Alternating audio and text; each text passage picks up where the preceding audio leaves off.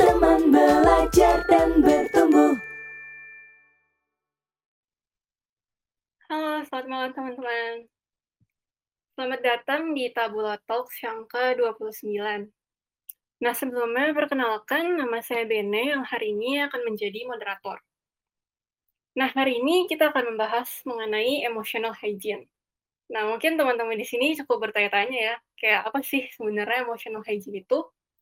Karena ya sepertinya konsep ini memang cukup jarang terdengar ya di sekitar kita. Nah, tapi tenang aja, hari ini kita akan membahas mengenai hal ini, mulai dari apa sih sebenarnya emotional hygiene itu, kenapa hal ini penting, dan gimana ya caranya supaya kita bisa punya emosi yang sehat di masa pandemi ini. Nah, pastinya kita juga akan membahas hal ini dengan seorang narasumber ahli yang udah hadir sama kita di sini, yaitu dengan Pak Antoni Dio Martin.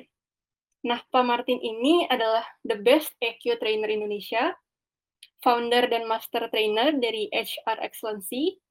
Beliau juga merupakan narasumber tetap di Smart Emotion Radio Talk di Smart FM.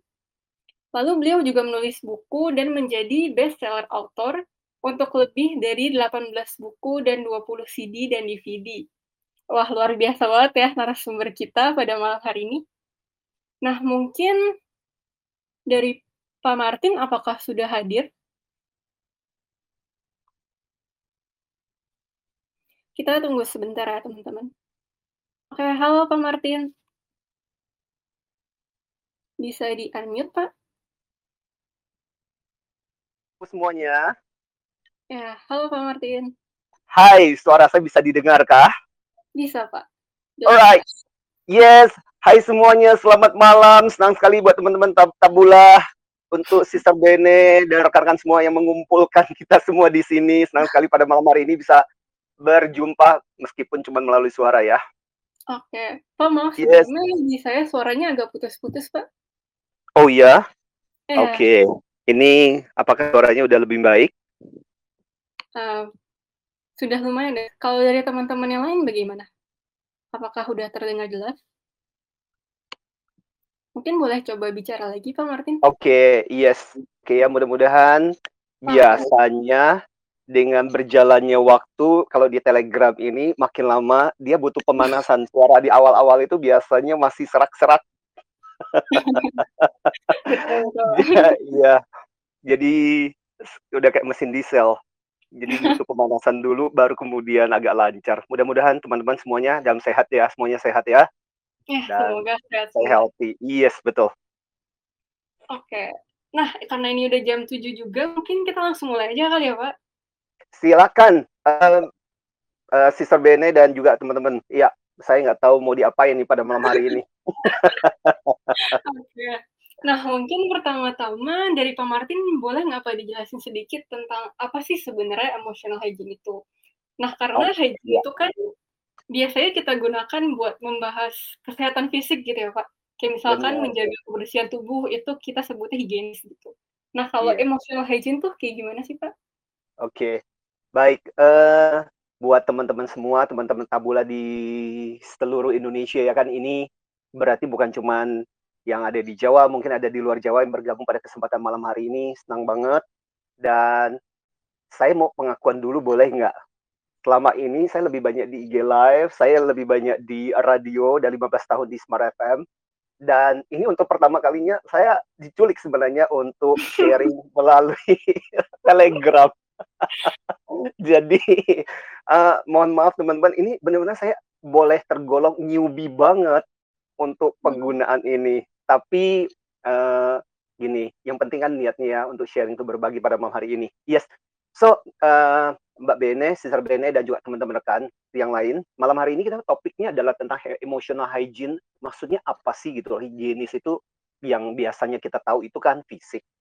Kalau mandi biasanya menggunakan sabun atau misalnya contoh pada saat sekarang ini ketika di masa pandemi ini kita tetap diminta untuk menjaga kesehatan fisik kita Eh, pakai masker lah cuci tangan lah pakai hand sanitizer dan sebagainya dan sebagainya itu ada bagian eh, kesehatan fisik kita higienis secara fisik nah yang harus kita ingat selalu saya selalu bilang bahwa ada lima komponen sebenarnya yang perlu kita selalu perhatikan.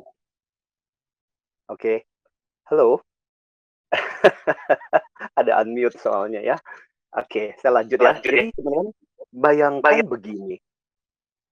Halo, bayangkan begini situasinya ya. Ada kalau teman-teman perhatikan lima jari eh, rekan-rekan, uh, itu kan ada jempol, telunjuk, jari tengah, jari manis, kemudian jari kelingking ya.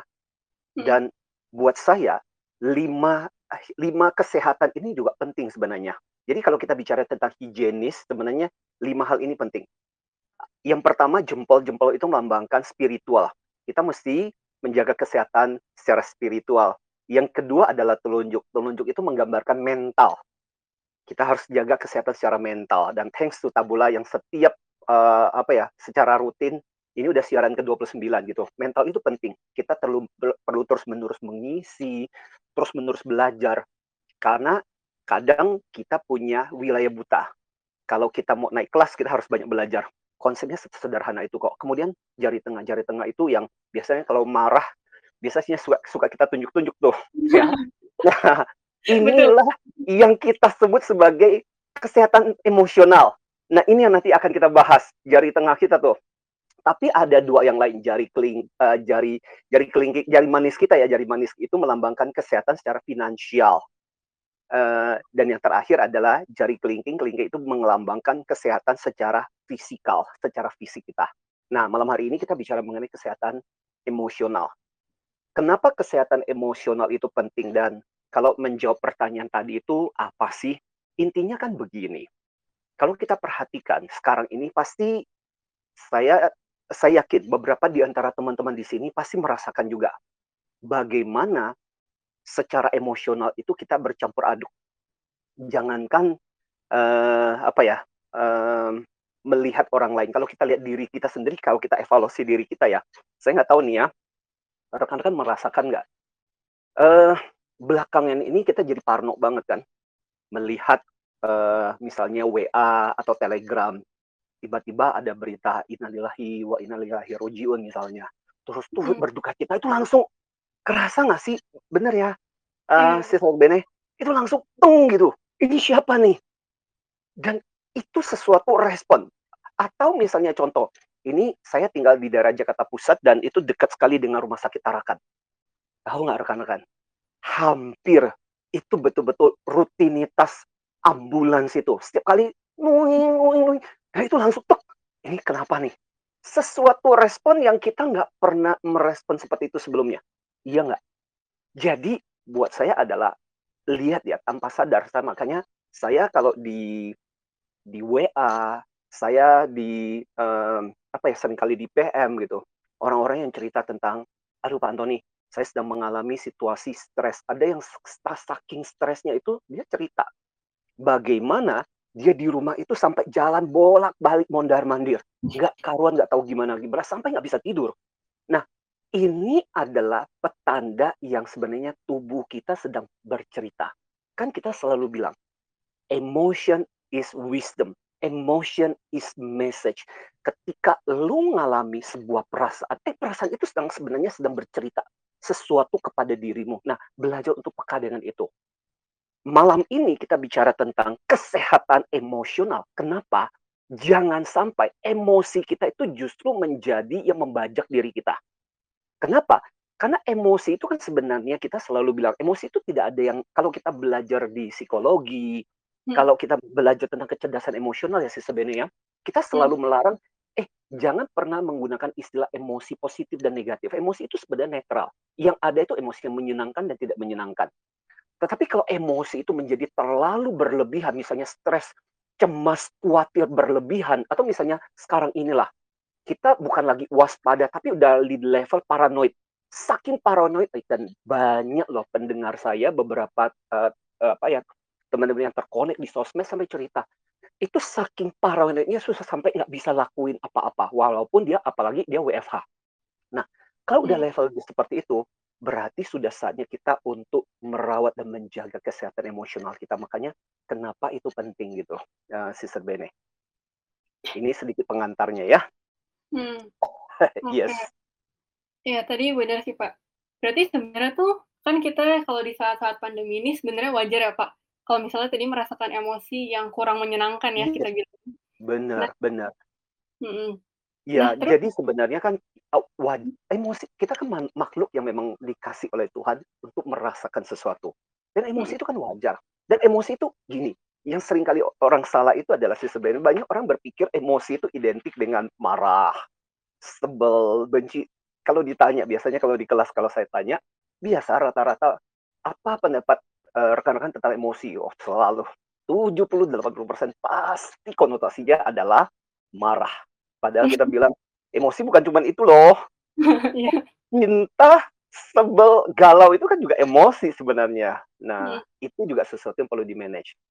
Nah, di emotional hygiene itu Sister Bene dan juga teman-teman rekan-rekan, pelajaran penting buat kita adalah gini, jangan sampai, eee, emosi yang kita rasakan ini menjadi sesuatu yang semakin negatif. Jadi emotional hygiene itu berarti apa?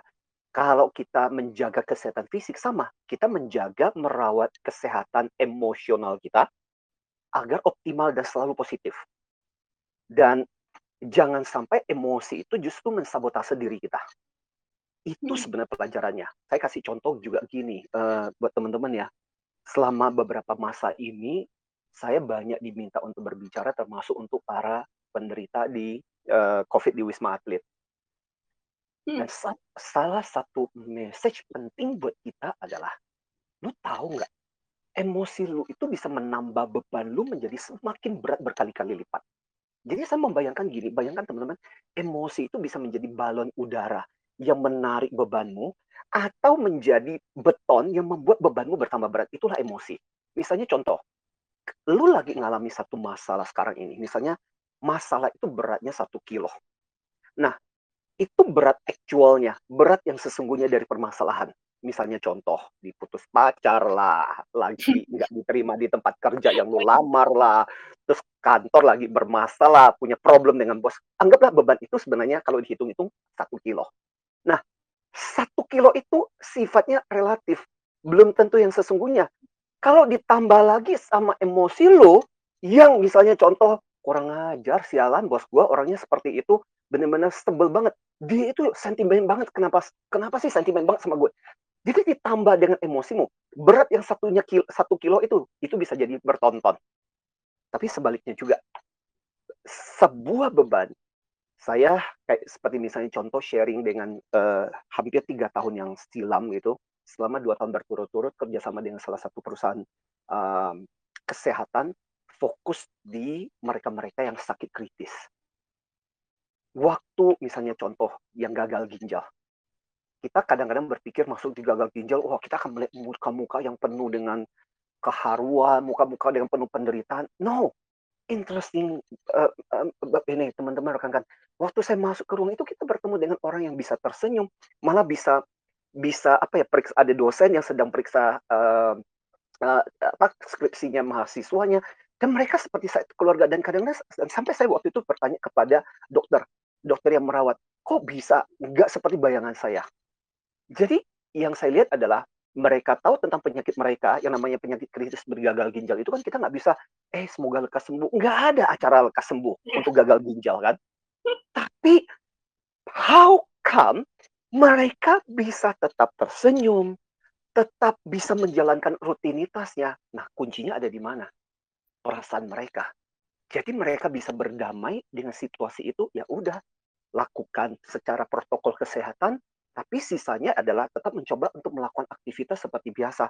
Nah, itu loh, menurut saya itu tanda-tanda orang yang sehat secara emosional, Mbak Bene. Mhm. Ya. Oke, berarti memang wajar ya sebenarnya ngerasain emosi, cuman orang-orang yang sehat emosi itu adalah mereka yang bisa mengelola itu ya, supaya itu nggak menjadi beban yang makin berlarut-larut gitu ya, Pak, ya? Betul betul. Karena kita perhatikan malam hari ini sebenarnya ada pelajaran penting tentang kesadaran tentang emosi yang kadang-kadang kita nggak nggak sadari. Aku kasih satu cerita lagi, misalnya begini, ini kisah ini kisah di luar, tapi, Mhm. eee, maksudnya di luar konteks obrolan kita tentang mental eee, tentang emotional hygiene ini, tetapi jadi pembeli pembelajaran buat kita betapa emosi itu bisa membuat beban kita jadi berat atau ringan gitu ya. Dan kenapa itu penting dikelola? Ini cerita tentang seorang cewek yang akhirnya dia ngotot. Sebenarnya keluarga udah nggak mengizinkan untuk menikah dengan cowok ini karena keluarganya merasa bahwa cowok ini cowok yang nggak bisa diharapkan. Hmm. Tapi si cewek ini memaksa dan akhirnya dia menikah dengan si cowok ini tanpa restu dari keluarga. Dan benar, setelah menikah apa yang terjadi? Betul-betul ini laki yang benar-benar luar biasa, ya luar biasa menyiksa. Be- Benar-benar. Tapi ka- karena ini cerita terjadi di agak zaman-zaman agak dulu ya. Hmm. Jadi tiap hari itu betul-betul dia diperlakukan nggak ada bedanya seperti seorang babu, seorang pembantu.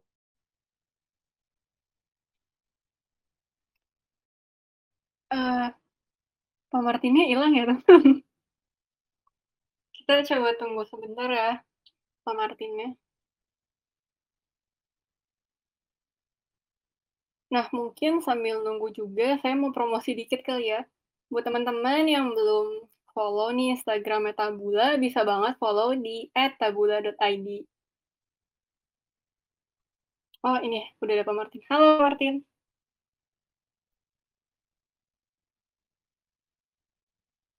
Mungkin bisa di-unmute dulu, Pak. Iya, betul. Hai semuanya. Hai. Yes. Oke, mudah-mudahan teman-teman bisa mendengarkan lagi. Yuk, mari kita lanjutkan obrolan kita. Jadi malam ini kita betul-betul ngobrol. Eh, saya membayangkan kita lagi duduk di meja gitu. Jadi lagi lagi, lagi bercerita gitu rame-rame. Ya, which is saya menikmatinya. Nah, saya mau cerita lagi tentang si cewek ini. Jadi bayangkan, tiap pagi bangun jam 4 pagi, dipaksa lah ngambil air lah, cuci lah, nyapu. Betul-betul nggak ada bedanya kayak pembantu. And you Hmm. know what happened? Tiap malam nangis. Tapi nggak bisa kan cerita sama keluarga. Karena kalau dia cerita sama keluarga, keluarga akan bilang, lo salah lu sendiri, kenapa lu pilih cewek cowok kayak begitu. Hmm. So, eh, jadi benar-benar bertahun-tahun tiap malam tuh seperti itu. Bayangkan penderitaannya. Hingga satu hari, yang saya nggak tahu, menurut rekan-rekan itu, untung atau malang, si cowok itu kemudian mening- meninggal. Jadi mengalami kecelakaan dan meninggal, suaminya itu. So, akhirnya kemudian dia menjanda, dan gara-gara kehidupan keluarga, apa, perkawinan yang seperti itu membuat dia agak sedikit trauma lah untuk menikah kembali. Tetapi jalan beberapa tahun ada seorang cowok yang betul-betul baik gitu, ya betul-betul baik. Dan akhirnya kemudian dia memutuskan untuk akhirnya kemudian ya setelah yang perjuangan berat akhirnya kemudian dia menikah untuk yang kedua kalinya. Dan benar di pernikahan yang kedua ini eh bahkan sampai dia dikaruniai di perkawinan pertama dia tidak punya anak, di perkawinan yang kedua dia punya dua anak Hmm, di hmm. perkawinan yang kedua itu suaminya begitu baik, begitu betul-betul luar luar biasa. Ditambah dua anak dan wah beban pekerjaannya nggak kan nggak nggak punya pembantu gitu. Beban pekerjaannya menjadi luar biasa gitu. Sampai satu hari waktu ketika dia sedang membersihkan rumah, tahu apa yang dia temukan? Waktu dia sedang membersih-bersihkan rumah dari barang-barang yang lama itu, tiba-tiba dia menemukan secari kertas. Kertas itu berisi apa? Kertas itu berisi jadwal rutin yang pernah ditulis oleh suami pertamanya kepada dia untuk apa yang harus dilakukan setiap hari. Bangun jam 4 pagi, ambil air dan sebagainya. Dan waktu ketika dia melihat secari kertas itu, dia kemudian membandingkan dengan kehidupan sekarang.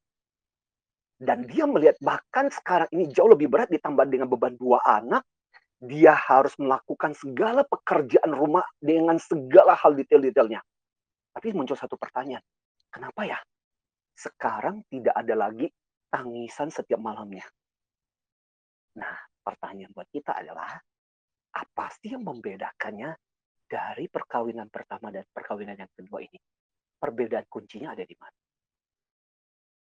Ayo. Yes. I wish kita bisa ngobrol ya. Saya bisa mendengarkan jawaban dari rekan-rekan. Oke. Kalau Hmm. Sister Bene mewakili dari teman-teman membedakannya di mana yuk? Eh, kalau dari cerita tadi sih saya lebih nangkepnya karena pertama dari lingkungan dan dia mungkin udah belajar buat acceptance gitu kali ya, Pak. Oh, yes. Oke. Acceptance. Oke. Tapi kunci pembedaannya ada di mana? Hmm. Melihat artinya gini. Sister Bene melihat nggak ada unsur pra kunci perasaan emosi di situ? Mhm. Iya nggak? Di perkawinan yang pertama, beban emosinya bagaimana? Di suaminya itu sih yang suka nyuruh-nyuruh dia, Kak. Iya Sampai iya. dikasih jadwal gitu. Iya kan? Dan di perkawinan yang kedua, beban emosinya seperti apa? Padahal jauh lebih berat loh. Pekerjaan secara aktual lebih berat loh. Tapi bagaimana perasaan dia di perkawinan yang kedua? Lebih senang ya? Iya. Mhm. interesting. Kata kunci tadi udah ada kata senangnya itu loh. Nah, itu kan sebenarnya emosi gitu. Makanya kadang gini, di situlah kita melihat buat teman-teman malam hari ini harusnya membuka pikiran kita untuk melihat sesuatu yang sering kali kita anggap sepele tapi itu berpengaruh berat. Kenapa ada orang yang kita lihat gila ya dia melakukan pekerjaan seperti itu Mhm. yang dalam pikiran kita itu kan membosankan dan sebagainya. Tapi kenapa dia bisa jalani sampai bertahun-tahun? Karena ada kunci kata senang di situ. Berarti kan unsur emosi itu penting. Mhm. Makanya kenapa kemampuan kita untuk merawat, untuk menjaga perasaan kita, emosi kita dengan apa yang kita lakukan itu penting banget gitu. Mhm. Gitu. Uhuy. Yes. Wah gitu ya, langsung tersadarkan, bener juga. Iya. Oke. Nah. Mhm. Nah. Gitu kurang yes. Gimana? Lanjut, ma mari lanjut. Nah, mungkin kalau misalkan tadi udah membahas nih, eee, ciri-ciri orang yang emosinya sehat tuh yang bisa mengelola dengan baik gitu ya, Pak, emosinya. Iya. Nah, sebenarnya kalau misalkan yang emosinya nggak sehat tuh yang kayak gimana sih, Pak? Oke, ya. Jadi gini, eee, mungkin kita bisa membayangkan ginilah ya, eee, bayangkan ketika ada orang yang tubuhnya kotor, Mhm. yang, eee, badannya itu betul-betul nggak terawat gitu. Ya paling gampang itu kan membandingkan kesehatan emosional itu dengan kesehatan fisik kan gitu kan, dengan perawatan badan gitu kan paling gampang gitu. Mhm. Mmm, gini, saya jadi ingat itu di tahun 1872 ya, zaman long time ago gitu. Itu pernah ada cerita tentang seorang anak yang kemudian entah bagaimana caranya kemudian ini terjadi di India dan anak itu tertinggal di hutan. Jadi Mhm. mirip seperti cerita Tarzan, namanya Dina Sanikar. Jadi Dina Sanikar ini 1872 entah bagaimana caranya akhirnya kemudian tertinggal di hutan dan apa yang terjadi? Selama bertahun-tahun hidup dari bayi sampai besar itu dibesarkan di hutan gitu. Sampai akhirnya kemudian ditemukan gitu. Apa yang Mmm. menarik adalah anak ini dibesarkan oleh hidup bersama dengan binatang. Jadi cerita ini yang sebenarnya akhirnya menginspirasi, eee, film, eee, itu loh yang kita kita nonton itu yang Jungle Book itu, Rudyard. Kipling. Iya kan, Mowgli, kan dibuat menjadi Mhm. cerita kartun, cerita yang lucu ya. Tapi itu sebenarnya inspirasi kisah sesungguhnya. Nah, apa yang terjadi dengan anak ini, yang si Dina Sanikar ini menarik. Jadi dia hidupnya jorok, banyak luka, dia sendiri nggak sadar, bahkan ketika orang berusaha untuk me apa, menyayangi dia, mendekati dia, itu digigit sama dia. Bayangkan, ini ini ini ini ini situasi, kondisi yang saya mau jadikan sebagai sebuah gambaran ilustrasi tentang bagaimana yang disebut dengan kesehatan orang yang namanya punya kesehatan emosional, ciri-ciri yang nggak punya itu seperti apa, mirip seperti itu. Artinya apa? Bayangkan, si anak ini pertama-tama dia kotor, tapi dia nggak sadar. Artinya apa? Orang yang emotional hygiene-nya rendah, kadang-kadang dia suka mengkritik, dia sikapnya negatif, tapi kadang-kadang dia sendiri nggak sadar. Mmm, tapi kadang kita yang sering kali berinteraksi di dengan dia sampai males. Karena setiap kali omongan yang keluar dari mulut dia, pasti omongan-omongan yang nggak menyenangkan aja. Makanya kita malas. Kita udah kenal gitu, ah percumalah. Mhm. Ya kalau ngomong dengan dia, pasti komentarnya selalu yang seperti itu, selalu negatif. Sampai saya punya istilah namanya negaholic. Ya, eee, orang yang selalu negatif. Ya kan ada workaholic, ada, eee, ada Mhm. alkoholik, ada negaholic. Jadi selalu negatif banget gitu, capek banget gitu, ya. Nah, itu itu ciri pertama. Ciri yang emotional hygiene-nya nggak bagus juga adalah uh, rekan-rekan sama seperti kisah tadi, yaitu dia punya banyak luka. Nah, orang-orang seperti ini adalah orang yang penuh dengan luka di masa lalu dan luka itu mungkin belum sembuh. Hmm. Tapi dia nggak sadar. Jadi orang ini jadi sensi banget. Tiba-tiba lagi ngomong baik-baik nih, tiba-tiba kena sesuatu itu bisa langsung berubah 180 derajat. Langsung marah, langsung jadi sensi. Itu juga ciri-ciri. Jadi hmm. ada banyak sekali ibaratnya buat kita adalah sampah-sampah emosional dia yang nggak beres gitu. Makanya saya selalu merasa teman-teman gini loh. Kadang dalam kehidupan kita, lu mau lu mau nunggu sampai kapan? Kalau eh, beban emosi itu kita tidak mencoba untuk melepaskan, belajar untuk berdamai, bayangkan gitu, itu ibaratnya lu jalan tiap hari membawa beban begitu banyak di pundak lo. Gimana caranya bisa berjalan dengan lancar? Mau mencapai goal, mencapai tujuan, lu terseok-seok. Kenapa? Karena beban emosi yang begitu banyak gitu loh. Betul, betul. Makanya kadang-kadang saya bilang apa istilah saya adalah sumo. Apa itu sumo? Shut up and move on. Udah, diam. Udah, nggak usah ngomong, udah. Move on aja. Lu ditinggal pacar, so what? Lu mau tunggu tuh sampai kapan? Dia udah sama orang lain, dia udah hidupnya udah begitu happy sama orang lain, lu terus menerus masih terus menyiksa dengan diri lu sampai kapan coba? Iya kan? Nah itu contoh gitu. Itu yang banyak orang ngalami gitu. Nah itu ciri orang yang emotional hygiene-nya nggak beres bisa jadi seperti itu. Jadi gampang terluka, sesuatu yang tiba-tiba ngomongin tentang hal itu orang bisa jadi sensi banget. Itu ciri kedua. Nah, ciri ketiga adalah yaitu tadi semua respon orang disikapi secara negatif. Misalnya contoh kan kalau orang yang uh, ke, uh, ke, apa ya orang yang kesehatan emosional yang bagus adalah kita bisa humor, kita bisa bercandaan. Dan saya hmm. sering kali bilang gini, bagaimana kamu tahu bahwa hubungan kamu dengan seseorang itu baik? Atau hubungan di dalam keluarga itu baik? Gampang.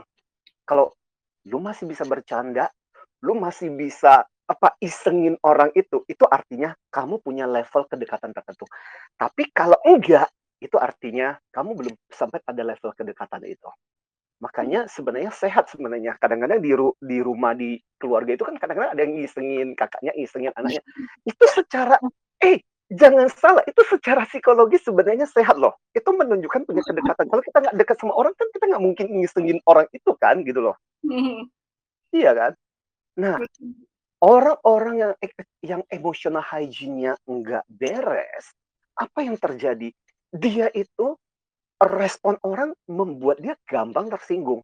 Jadi kata-kata itu dia nggak bisa menangkap itu sebagai bercandaan, dia nggak bisa menerima itu sebagai hanya isengan gitu. Dan segala sesuatu ditanggapi dengan sangat serius. Kebayang nggak sih?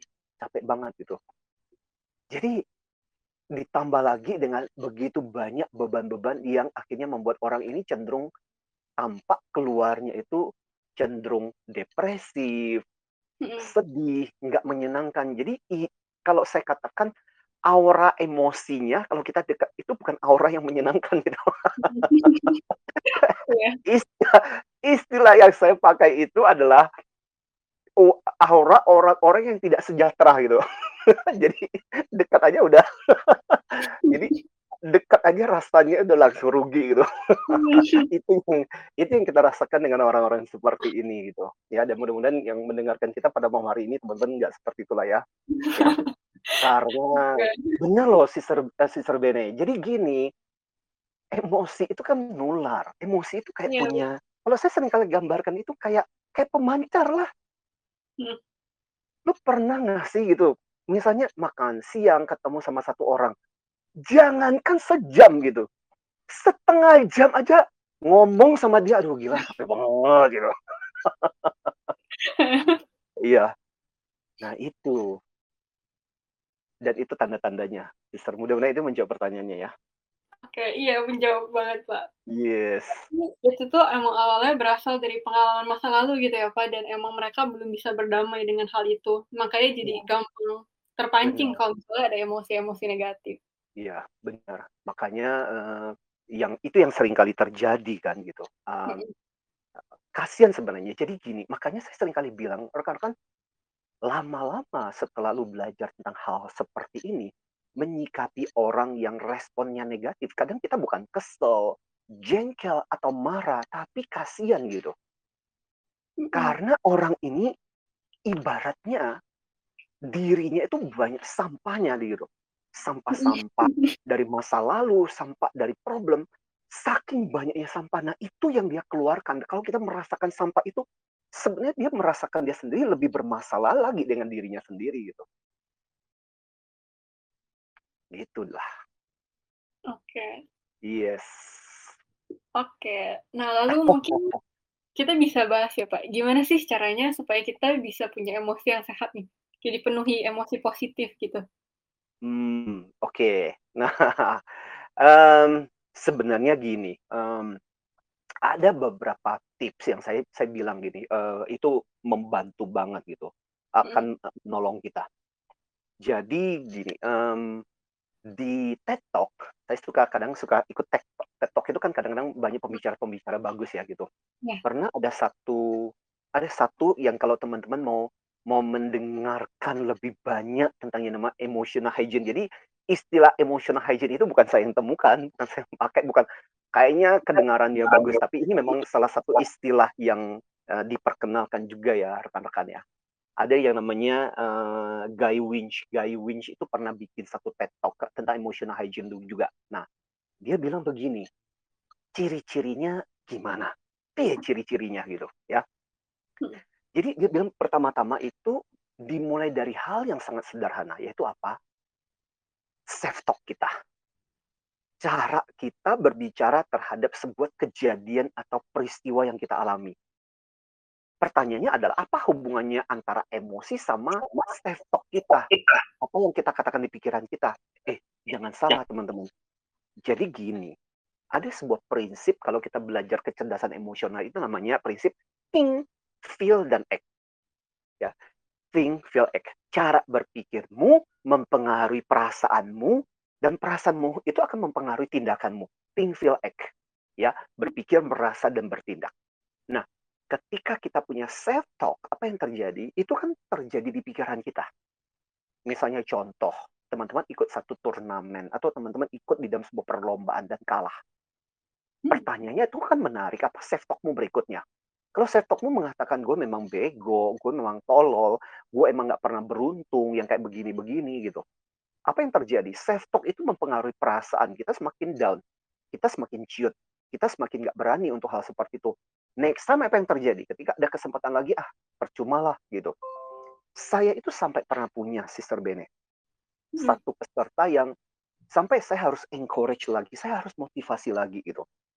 Karena apa? Dia itu sampai punya sebuah keyakinan buruk bahwa kalau dia melamar pekerjaan sampai pada bagian interview, dia pasti gagal. Kata pasti itu loh. Dan saya nanya sama dia, emang lu interview udah berapa kali? Ya, dia bilang, ya Ko Martin cuman sekitar tiga kali sih. bilang, jangan ngomong cuma tiga kali gitu. Dan lu menyimpulkan bahwa lu selalu sial gitu. ada orang yang sudah interview udah sampai nggak tahu berpuluh-puluh kali gitu. Hmm. nah, tapi kan menarik bagaimana self talk itu mempengaruhi cara dia menyikapi sesuatu. Makanya sangat penting. Makanya salah satu pembelajaran penting ketika kita mendalami tentang yang namanya kecerdasan emosi itu kan melatih bagaimana caranya kita mengatur, mengelola pikiran kita pada saat ketika sebuah kejadian terjadi. Hmm apa pun. Kan kita bilang, peristiwa itu sih pada dasarnya netral, ya kejadian ya jelas kejadian gitu. Yang lain juga ngalami kok. Tapi bagaimana kamu memaknai, bagaimana kamu memberikan makna terhadap itu, itu yang akan kemudian berentet, berpengaruh kepada bagian berikutnya. Nah itulah yang apa ya kalau misalnya contoh saya ngajar tentang orang-orang untuk jualan gitu untuk sales gitu ada banyak dan menurut saya banyak di antara mereka nggak berhasil. Kenapa? Karena self talk mereka udah negatif duluan gitu sebelum jualan. Hmm. Nah, itu kunci penting banget. Ini saya ini mo mohon maaf ya Sister Benny saya jadi saya itu tukang ngobrol saya bisa cerita ke mana-mana gitu misalnya contoh gini self talk ya bicara tentang self talk aku sendiri teman-teman ini ya ini bicara tentang jualan bagaimana self talk berpengaruh gitu saya tuh karena latar belakang di psikologi. Mhm. Awal-awal tuh nggak bisa jualan loh Sister Bene, karena apa? Saya tuh merasa orang yang menjual itu maksa orang gitu. Dan saya tuh bukan orang yang memaksa gitu. Di psikologi kan kita belajar tentang humanistik, mendengarkan gitu loh. Uh, people centered gitu kan. I'm not forcing people. I'm helping people. So apa yang terjadi? Sampai waktu itu, waktu itu saya mulai uh, studi S2 saya waktu itu kan di Vancouver gitu. Kan hidup susah gitu. Uh, pas Indonesia lagi itu kan tahun 98 gitu, pas uh, krisis dan sebagainya juga ada masalah keuangan dan sebagainya kan saya mesti kerja juga. Nah, salah satu kerja saya adalah jualan kartu supermarket gitu. Tapi saya bersyukur loh waktu itu ada seorang mentor saya keren banget gitu.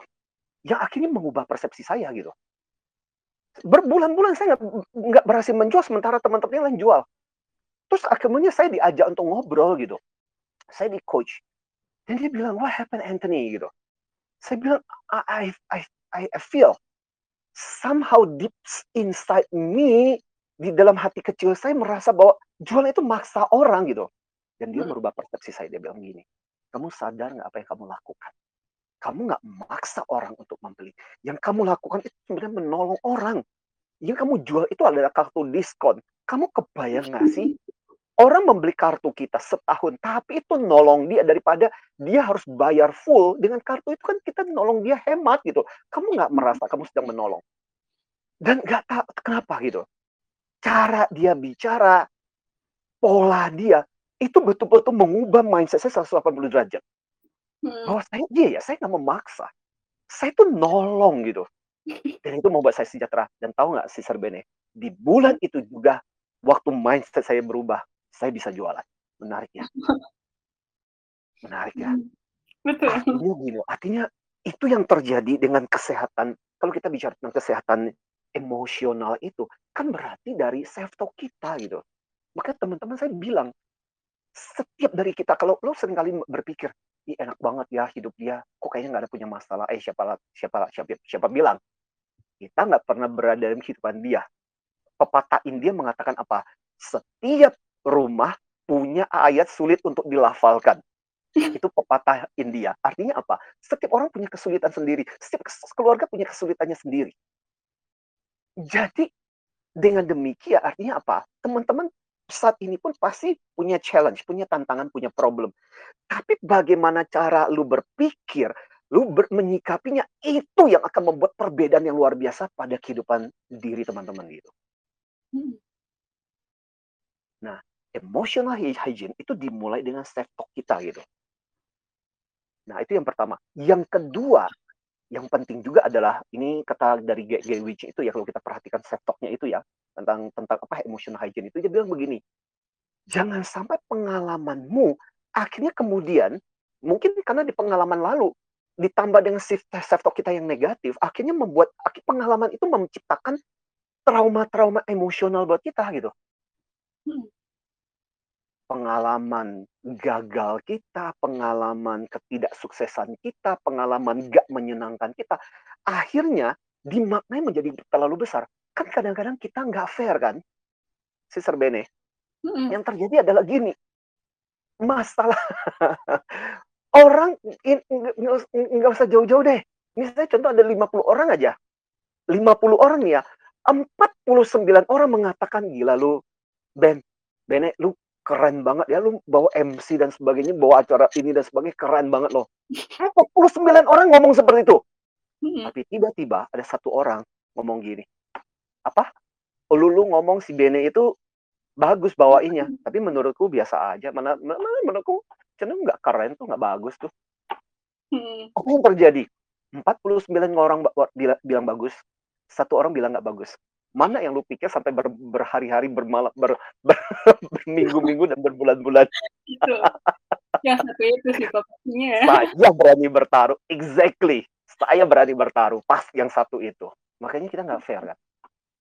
Nah memang ditambah problemnya adalah emosi negatif itu memang cenderung lebih kuat sih. At least 8 hmm. kali. At least 8 kali jauh lebih kuat daripada emosi negatif meskipun tadi saya sebenarnya nggak boleh menyebut emosi negatif ya emosi yang tidak menyenangkan itu ya Men lebih kencangnya itu 8 8 kali, bahkan bisa lebih untuk beberapa orang. Nah, itu yang terjadi. Dan itu kemudian ditumpuk-tumpuk-tumpuk, akhirnya kemudian dalam kehidupan kita, kita jadi nggak melihat sesuatu yang putih. Kita tidak melihat sesuatu yang terang.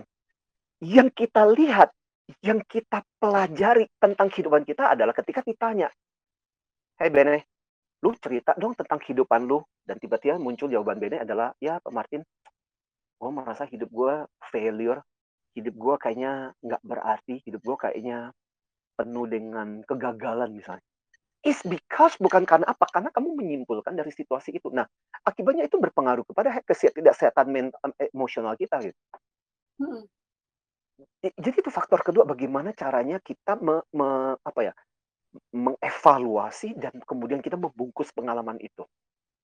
Percayalah teman-teman kalau kita mau berlomba-lomba tentang pengalaman buruk gitu, saya sering kali bilang, saya bisa menjadi seperti sekarang, nulis 18 buku, siaran dan sebagainya dan sebagainya, uh, punya kesempatan gitu, uh, dibilang motivator meskipun saya nggak terlalu suka dengan istilah motivator dan sebagainya gitu. Lu pikir, iya kayaknya memang diberkati, dikasih, uh, ke apa, oleh Tuhan kemampuan seperti itu.